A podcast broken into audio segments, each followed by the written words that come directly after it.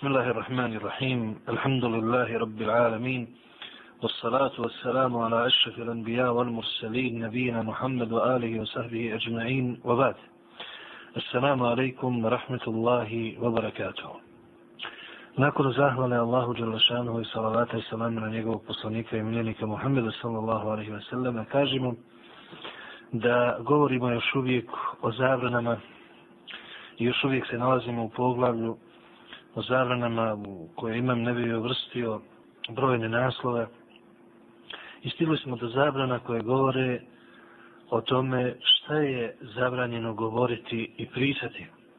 Pa smo stigli do sljedećeg naslova u kojem stoji bab tahrim kaulihi li muslimin ja kafir. O tome da je zabranjeno bilo kojem muslimanu reći o nevjerniče. Preneseno je od Abdullaha ibn Umara radijallahu anhuma da je rekao Kale Rasulullah sallallahu alaihi wasallam إذا قال الرجل لأخيه يا كافر فقد باء بها أحدهما فإن كان كما قال وإلا رجعت عليه Kada neki čovjek kaže svom bratu muslimanu o nevjerniče, jedan od njih dvojice je takav. Ako je uistinu on takav, onda je tako. Ukoliko nije, onda se ta riječ ili to što je rekao odnosi na njega i vraća se njemu. Ovo su nam prenijeli imami Buhari i Muslim. A Ebu Zer radijallahu anhu kaže nam da je čuo Allahovog poslanika sallallahu alaihi wa sallam kada je rekao من دعا رجلا بالكفر أو قال عدو الله وليس كذلك إلا حار عليه ko čovjeka pozove i kaže za njega da je nevjernik ili kaže da je Allahov neprijatelj, a to nije tako, vraća se njemu, to jest odnosi se na njega.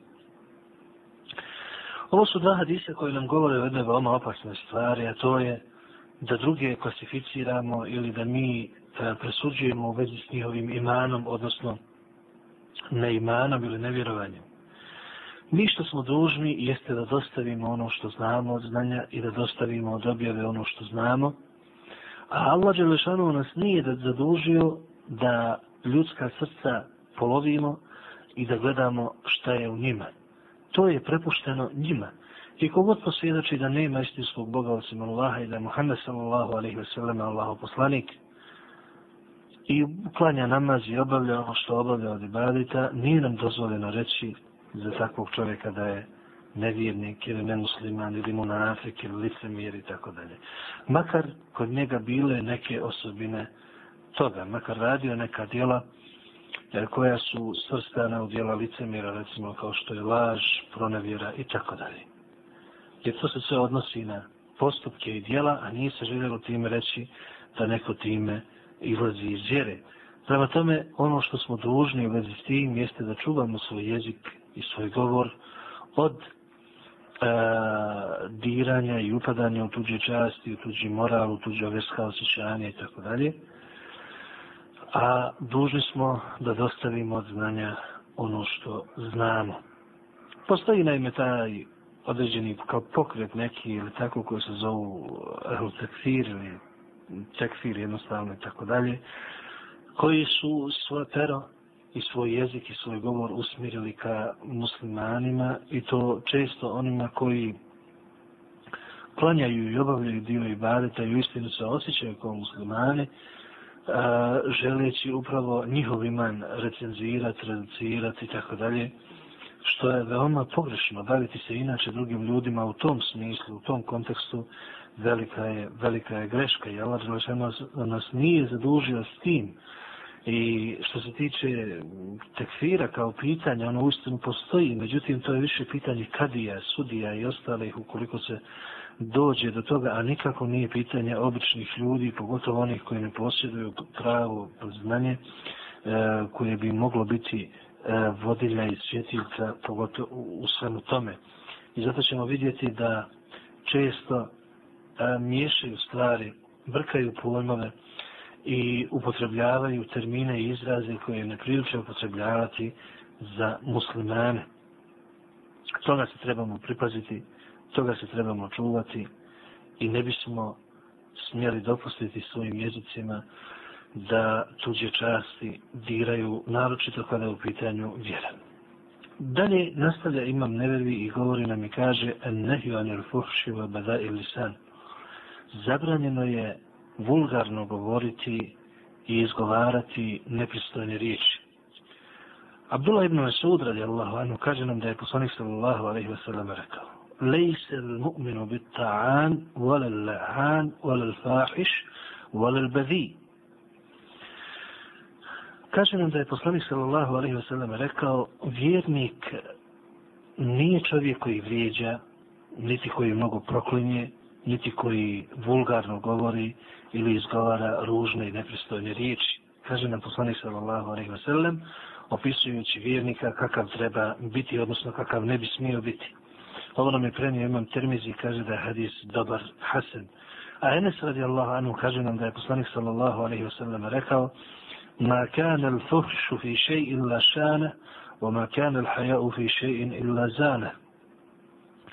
Gdje god se nađe vulgarnost i u čemu god bude vulgarnost, ono to pokvari, izobliči ga.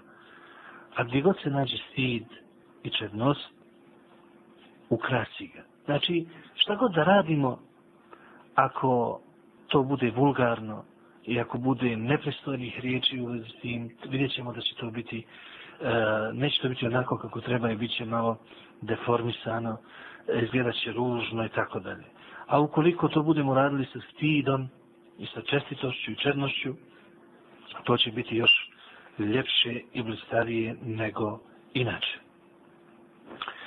Sljedeće što nam kaže imam nevevi da je pokuđeno i zabranjeno jeste usiljen govor, želja da se e, govori što riječitije upotrebom nekih e, nepoznatih ili manje poznatih manje poznatih riječi, naročito kada se obraćamo običnom svijetu, kaže imam nevevi. Prenio nam je Abdullah ibn Mesud, radijallahu anhu, da je vjerovjesnik, sallallahu alaihi wa sallam, rekao, Heleke al mutenatihun, kale selasen. Kaže poslanik, sallallahu alaihi wa sallam, propašće, ili propale su cijepidlake, propale su cijepidlake, propale su cijepidlake. Rekao je to poslanik, sallallahu alaihi wa sallam, tri puta. Naime, ovo se odnosi u, na, na sve stvari, na sve poslove, a naravno i na govor. A Abdullah ibn Amr ibn al-As radijallahu anhuma kaže nam da je poslanik sallallahu alejhi ve sellem rekao إن الله يبغض البليغ من الرجال الذي يتخلل بلسانه كما يتخلل البقرة Kaže nam poslanik sallallahu alaihi wasallam sljedeće, Allah mrzi čovjeka koji pretjeruje u nekakvoj uh, E, riječitosti, želi da se izražava nešto neuobičajeno i koji svojim jezikom e, prevrće kao što to radi krava, kaže poslanik sallallahu alaihi ve sellem. Znači, uporedio je to sa jednim e, sa jednim poređenjem koji, kako bi od, odslikao taj jedan ružan postupak tih ljudi koji na taj način usiljeno pokušavaju biti riječiti iznad drugih u svom govoru. A Džabir ibn Abdullah radijallahu anhuma kaže nam da je poslanik sallallahu alaihi wasallam rekao Inna min ahabbikum ilaje wa aqrabikum minni majlisa yom al qiyama ahasinukum ahlaqa wa inna abgadakum ilaje wa abadakum minni yom al qiyama الثرثارون wal والمتفيهقون Kaže nam Džabir ibn Abdullah radijallahu anhuma da je poslanik sallallahu alaihi wa sallam u ovom hadisu rekao meni su najdraži od vas i najbliži meni na, na kijametskom danu oni koji se najljepše ponašaju i obhode prema ljudima. A najmrži od vas i najudaljeniji od mene na kijametskom danu su oni koji mnogo pričaju, koji ustiljeno pričaju i koji žele da, da, da pred drugima pokažu svoju visinu i svoju, svoju, nekako, svoju nekakvu nadmoć nad ostalima govorom i riječima. To je prenio Tirmizi i kaže da je hadis dobar. Znači i ovdje nam, ovdje nas poslanik sallallahu alaihi wa sallam uči da u svom govoru trebamo biti umjereni, da trebamo biti riječiti, ali ne usiljeno riječiti. Znači ovdje se ne radi ni o kakvoj zabrani da, čovjek fi, da se čovjek fino, lijepo izražava i tako dalje, da koristi podobne izraze, ali a, pokora, ako, pokorava se ta nekakva usiljena i neprirodna riječitost upotrebom nekakvih e, nepoznatih izraza, neuobičajenih, naročito za ljude kojima se obraćamo i slično. Pogotovo se ovo odnosi kada je u pitanju vjera. Vjera, vjera naime, dužnost onih koji govore o vjeri jeste da je pojednostave, da je uproste i da bi mogli uh, obični ljudi, slušalci, da, da prihvate to o čemu se govori. Jer mi o vjerskim stvarima ne govorimo zato da bi, da bi ljudi vidjeli koliko smo mi učeni, znani i slično, nego da bismo njima dostavili ono što im želimo reći i ono što bi oni trebali usvojiti i prihvatiti. To je cilj. I to je prava riječitost. I zato nam u drugom, u drugoj jednoj predaji Alija radijallahu anhu kaže hadisu nasu bima je. Govorite ljudima onako kako vas razumiju. Govorite im ono što razumiju i kako vas razumiju. A nemojte im se obraćati riječima, izrazima i rečenicama nakon koji će oni ostati zavezeknuti, neće znati ni šta su čuli, ni šta trebaju od toga shvatiti, šta treba od toga prihvatiti i slično. Prema tome, treba voditi računa o tome e, i dužni su oni koji govore naročito o vjerskim stvarima da vode računa o tome. A inače je pokuđeno i u e, bilo kakvom obraćanju drugim ljudima da se koristiti nekakve izrazi koji oni ne razumiju, koji su nepoznati među njima i tako dalje. Dalje, kaže imam neveri, pokuđeno je reći habufet nefsi. Naime, zla mi je duša ili nepokorna mi je loše mi je duša i tako dalje. Tako kaže učenci da to znači. A iša radi Allahu, anha kaže nam da je poslanik sallallahu alaihi sallam rekao la yakulunna ahadukum habutet nefsi walakin li yakul lakiset nefsi.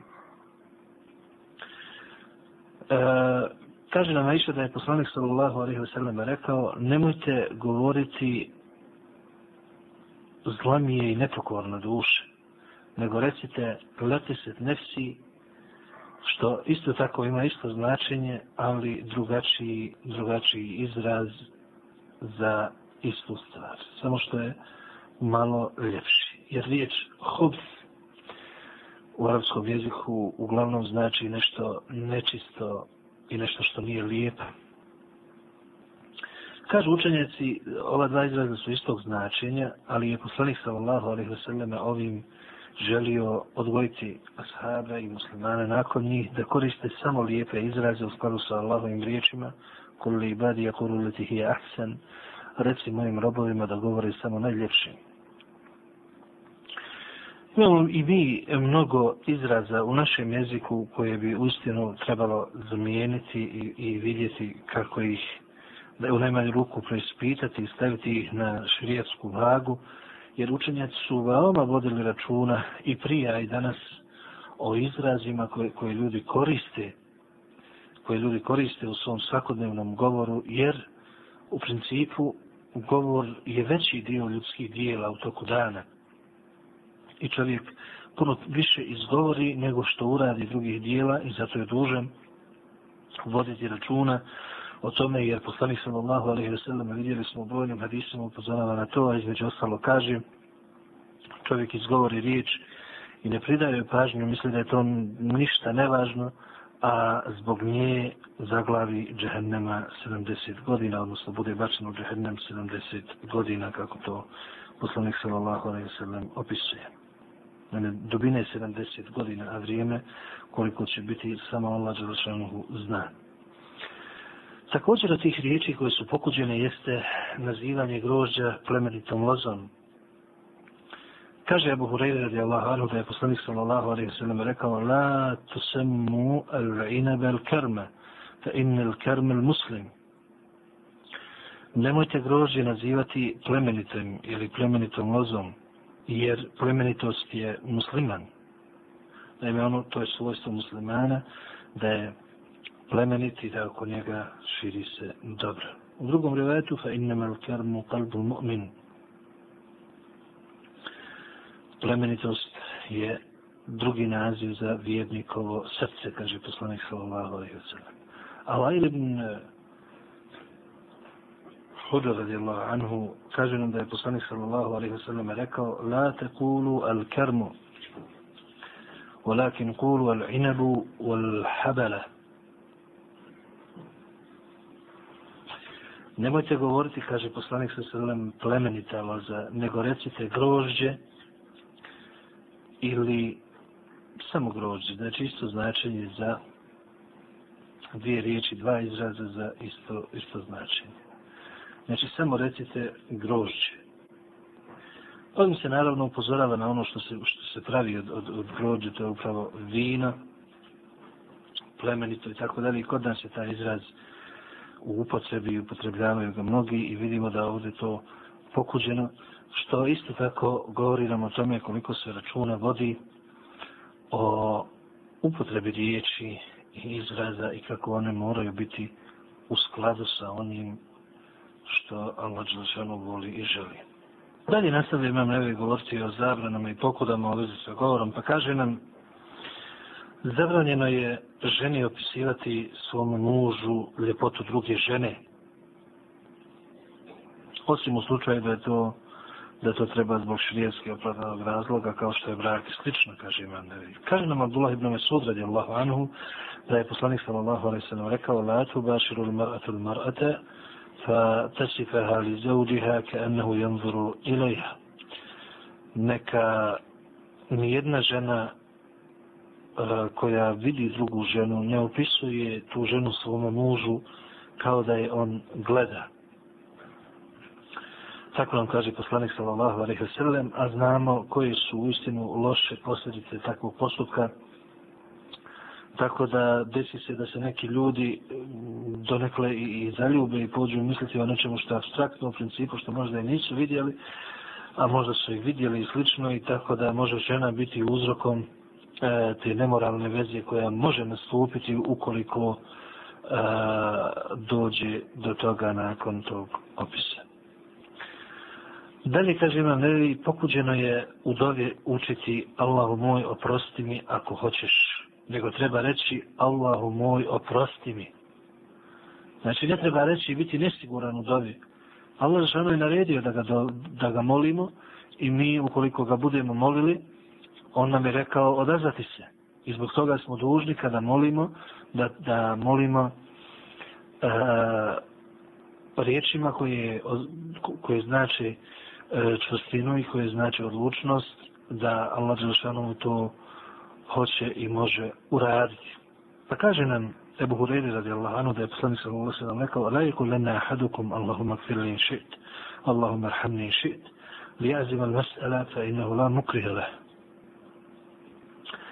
Kaže nam da je poslanik sallallahu alejhi ve sellem rekao nemojte u dovi govoriti Allahu moj oprosti mi ako hoćeš Allahu moj smiluj mi se ako hoćeš čvrsto recite i tražite jer Allaha niko ne može prisiliti, kaže poslanik sallallahu alejhi ve sellem. A muslimom rivajetu, walakin li azim, wal yu'zim ar-ragba, fa inna Allah ta'ala la yata'azamuhu shay'ata. Neka čvrsto moli i neka pokazuje veliku želju za dovom, jer Allah, Allah Đelšanu nije ništa veliko od onoga što da. Znači nema toga što on ne može dati, a između ostalog i oprost i svoje milosti. Prema tome, ovi hadisi, kao kažu učenjaci, e, došli su iz dva razloga.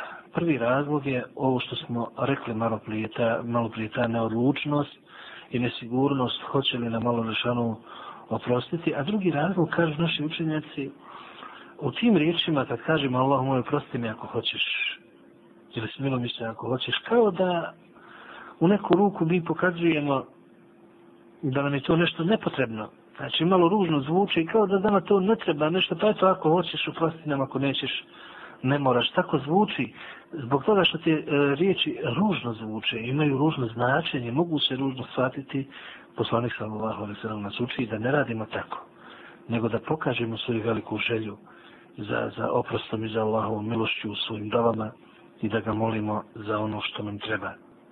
A Enes radijallahu anhu kaže nam da je poslanik sallallahu alaihi wa sallam rekao i da da ahadukum fel jazim il mes'ala ولا يقولن اللهم إن شئت فآتني فإنه لا mustakriha leh.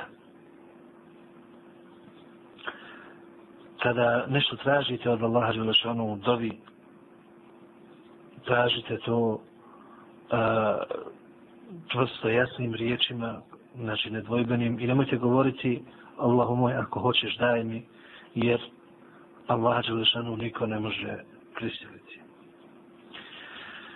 Dalje kaže imam nevi pokuđeno je reći što hoće čovjek, što Allah hoće i taj i taj čovjek. Ili kako to u našem narodu često kažu uh, Bog pa ti ili uh, da nije bilo Allaha dragog i, to, i, i tebe i tog čovjeka i tako dalje. Znači sve su to riječi koje su pokuđene i koje su u jednu ruku i, i mali širk koji je jedan od velikih grijeha. Huzayf ibn Lijemar radi Allah anhu kaže nam da je poslanik sallallahu alaihi sallam rekao La te kulu ma ša Allahu wa ša fulan walakin kulu ma ša Allah su ma ša fulan Nemojte govoriti šta hoće Allah i taj, i taj čovjek, nego recite samo šta hoće Allah, potom taj i taj. Znači, nakon toga taj i taj čovjek. Da bi se napravila tu razlika između Allahove volje i volje tog čovjeka, pa i u riječima. Jer ovdje je problem u riječima. Može neko reći, ja ne mislim naravno da, da, da je volja tog čovjeka jednaka Allahovoj volji. Naravno da ne misliš, jer kad bi to mislio, to bi bio veliki širk. Ali ovdje se radi o tome da je to u riječima tako iskazano i zbog toga jeste mali širk, što je veliki grije i što ne bi smjelo da, da bude. Jer od malog širka ne, ne smijemo shvatiti da je to i mali, mali grije. On je veliki grije. Dalje, kaže Imam Neveri, pokuđeno je nakon jacije namaza razgovarati i biti hudan. Kaže Imam Neveri, والمراد به الحديث الذي يكون مباحا في غير هذا الوقت وفعله وتركه سواء فأما الحديث المحرم والمكروه في غير هذا الوقت فهو في هذا الوقت أشد تحريما وكراهة وما الحديث في الخير كمذاكرة العلم وحكايات الصالحين ومكارم الأخلاق والحديث من الضيف وما طالب حاجة ونحو ذلك فلا كراهة فيه بل هو مستحب. وكذا الحديث لعذر عارض لا كراهة فيه وقد تظاهرت الحديث الصحيح على كل ما ذكرته. كاجة إمام نبوي zabrana ili pokuda ovog razgovora odnosi se na dozvoljeni govor koji je dozvoljen u drugim vremenima, znači u toku dana, a ostaviti ga ili govoriti je isto što se tiče nagrade. Ali što se tiče zabranjenog govora ili pokuđenog u drugim vremenima, u ovom vremenu je još više zabranjen i još više pokuđen. A što se tiče govora koji je hajs, koji je dobro, kao što je učenje znanja, kao što je e, govor o, o, o dobrim ljudima koji su živjeli prije nas i o lijepom ahlaku, moralu, ili razgovor sa gostom, ukoliko imamo goste nakon jacije, ili neko nešto traži od nas, i slično to nije pokuđeno. Šta više, to je pohvalno i poželjno. Isto tako, uh, ukoliko se desi nešto nepredviđeno, nema, nema nikakve smetnje, nema pokude da se razgovara i da se priča nakon jacije i namaza. Brojni su vjerodostojni hadisi koji potvrđuju ovo što sam naveo, kaže imam nevevi. Znači, iz ovoga nevevijog govora možemo razumjeti sljedeće. Uh, ukoliko je govor mubah, nema u njemu nekog hajra i nešto slično, onda je nakon jacije namaza pokuđen, jer to je vrijeme kada se trebamo odmoriti, spavati i slično i pripremiti za i vadete koje smo dužni obaviti noću ili eventualno na sabah ustati. A ukoliko je traženje znanja nakon jacije namaza, kao što je ders, kao što je predavanje, kao što je učenje, kao što je gost ili razgovor sa suprugom i tako dalje, onda u tom slučaju nije pokuđeno i nema nikakve, nikakve smetnje. Abu Berze, eh, radijallahu anhu, kaže nam da je poslanik sallallahu alaihi wasallam prezirao a, spavanje prije jacije, a nije volio govor nakon jacije. Znači, nije volio da, da ljudi spavaju prije jacije zbog bojazni da, a, da neće ustati na jaciju. A nije volio ni da se priča i provodi vrijeme nakon jacije u praznoj priči, bespotrebnoj, zato što postoji opasnost da neće ustati na sabah. A Abdullah ibn Umar radi Allah, no, kaže nam da je poslanik sallallahu alaihi wa sallame klanjao jaciju pred kraj svoga života, kada je predao selam, rekao je Ara'ejkekum lejletekum hadihi, fa inna ala rasi mi'ati sana la jedka mimmen huwa ala zahri l'ardi al jevma ahadun. Vidite li ovu noć, odnosno, uh, znate li šta je u ovoj noći vašoj? Nakon, nakon toga posle sedam nastavlja i kaže, kada se navrši stotinu godina od ove noći. Na zemaljskoj kugli neće niko ostati živ koja je na njoj danas. Kako je veze ovaj hadis ima sa ovim naslovom, jer onda govorimo o govoru nakon jacije namaza? Ima veze zato što ovaj hadis potvrđuje da je poslanik sallallahu alaihi wa sallam govorio nakon jacije namaza, jer je predao salam ovdje, e, koristan govor, što, je, što znači da je dozvoljeno ukoliko u pitanju znanje ili nešto slično, da govorimo nakon jacije namaza. Dalje ovaj hadis isto tako dokaz za brojne druge mesele, pa između ostalog i da Hidr nije živ, jer da je bio živ čak do, do tog vremena, ovaj hadis ukazuje da ne bi ostao živ jer je ustino jasan, jer kako se kaže, ala zahril ard, znači na zemaljskom kugli, na zemaljskoj kori, neće ostati niko živ ko je danas, odnosno te noći živ. Enes radijallahu anhu kaže nam da su čekali poslanika sallallahu alaihi wa sallam da klanja jaciju namaz. Ali je došao tek kada je bilo gotovo pola noći i klanjao je jaciju. Nakon toga je održao jedan kraći govor u kojem je rekao Ela inna nase kad sallav thumma raqadu wa innakum lan tazalu fi salatin man tavartumu salate. Neki ljudi su klanjali a onda legli spavati.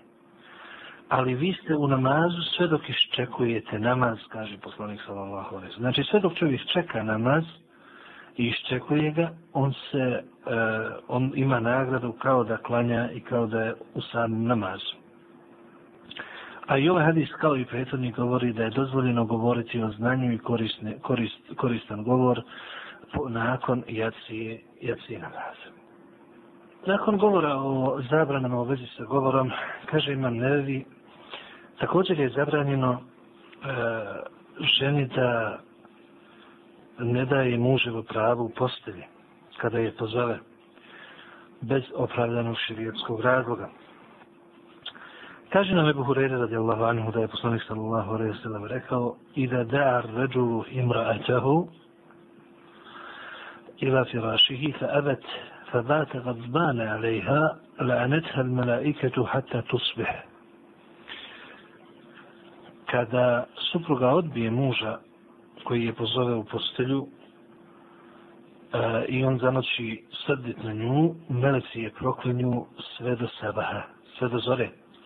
Ovo su nam prenijeli Imam Buhari i Muslim. U drugom rivajetu stoji hatta tarđija sve dok, e, dok mu se ne vrati. A u nastavku kaže Imam Nevi, zabranjeno je ženi postiti dobrovoljni post ako je muž kod kuće osim s njegovom dozvolom. Znači, ukoliko muž nije na putovanju, e, zabranjeno je postiti dobrovoljni post bez njegove dozvole. Ebu Hureyre radijallahu anhu kaže nam da je poslanik sallallahu alaihi sallam rekao la je lil mar'ati an tasuma wa zawjuha shahid illa bi idnihi wa la ta'zan fi bejtihi illa bi idnihi. Nije halal ženi da posti dobrovoljni post kada je čovjek kod kuće osim s njegovom dozvolom i nije joj dozvoljeno uvoditi u kuću bilo koga osim s njegovom dozvolom. Ovo su nam prenijeli imam Buhari i Muslim. Znači, razlog zabrane ove je upravo to da muž ne bi imao nekakvih uskraćivanja u odnosu na svoju suprugu, tako da bi uvijek e, mogli biti tu jedno za drugo dostupne.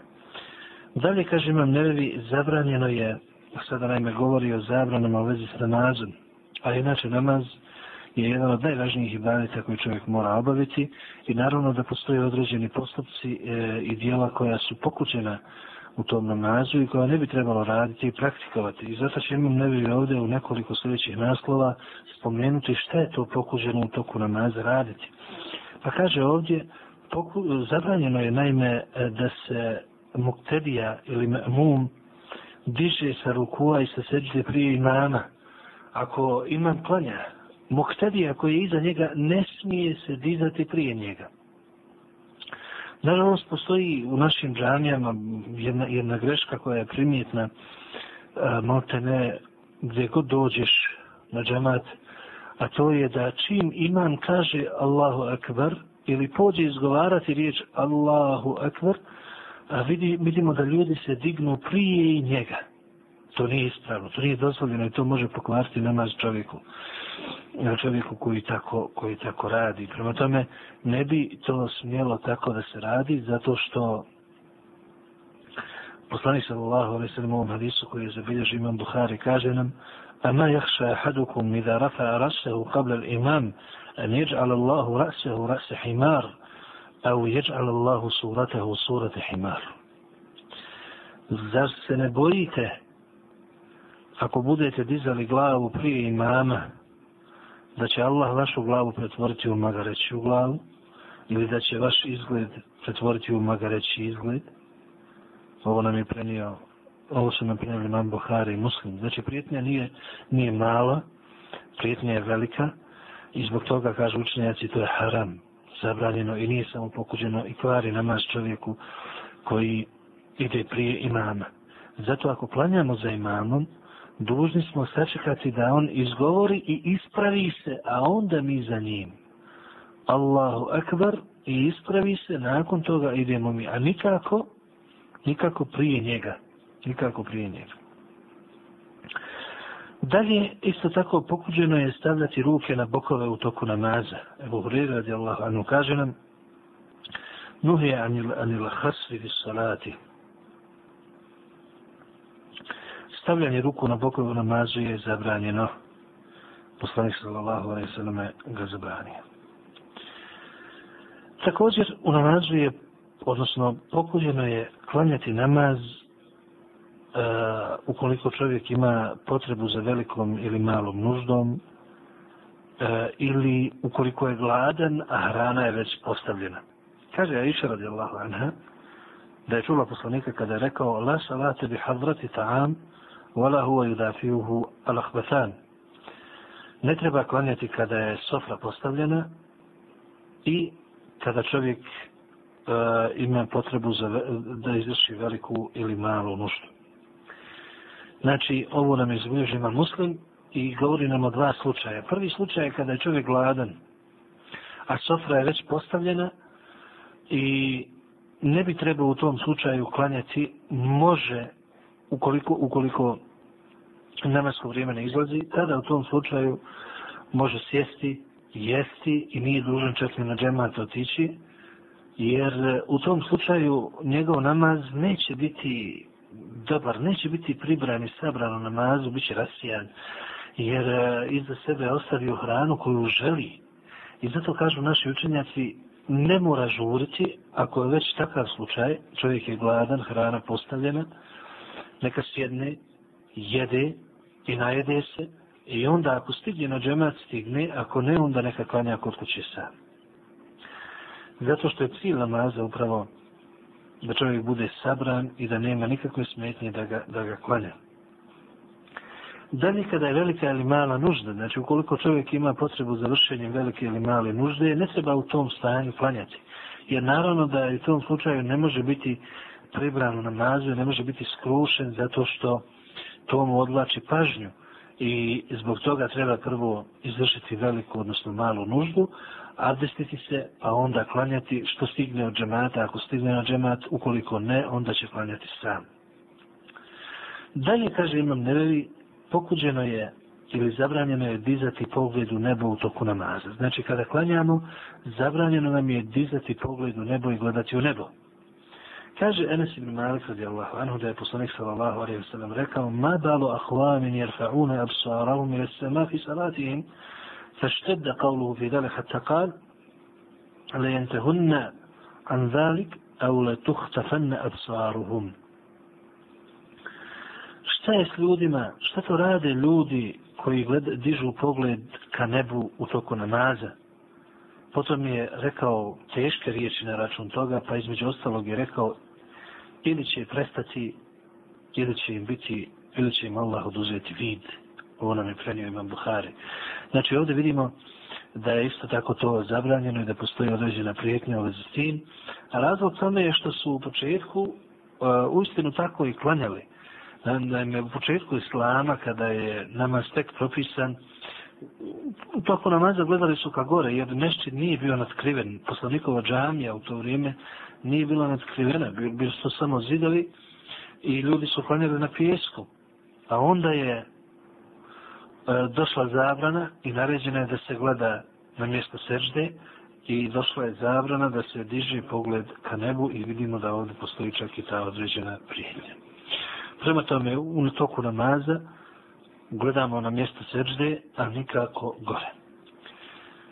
Dalje, kaže nam, nevi pokuđeno je okretati se u namazu bez potrebe.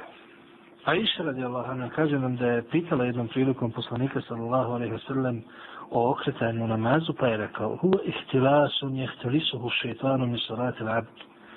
To je krađa koju šeitan uspije ukrasti od čovjekovog namaza. Znači, vidimo da ovdje to okretanje poslanik sallallahu alaihi wasallam pripisuje šeitanu i da je on taj koji uzrokuje upravo to okretanje.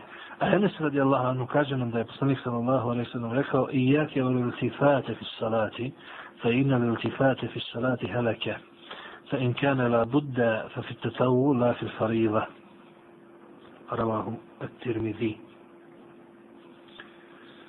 Naam. Kaže nam da je poslanik sada u hadisu rekao nipošto se ne okreće u namazu, jer to je propast. A ako baš moraš, neka to bude na, na, na fili, a nikako na farzu.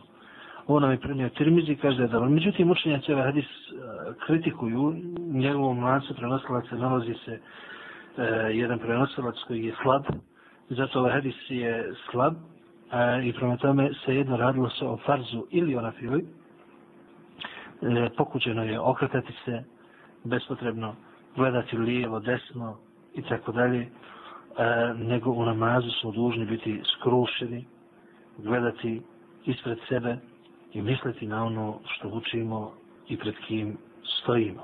Dalje nastavlja Imam nevevi govoriti o zabranama u vezi sa Ramazom, pa kaže nam zabranjeno je klanjati prema kaboru.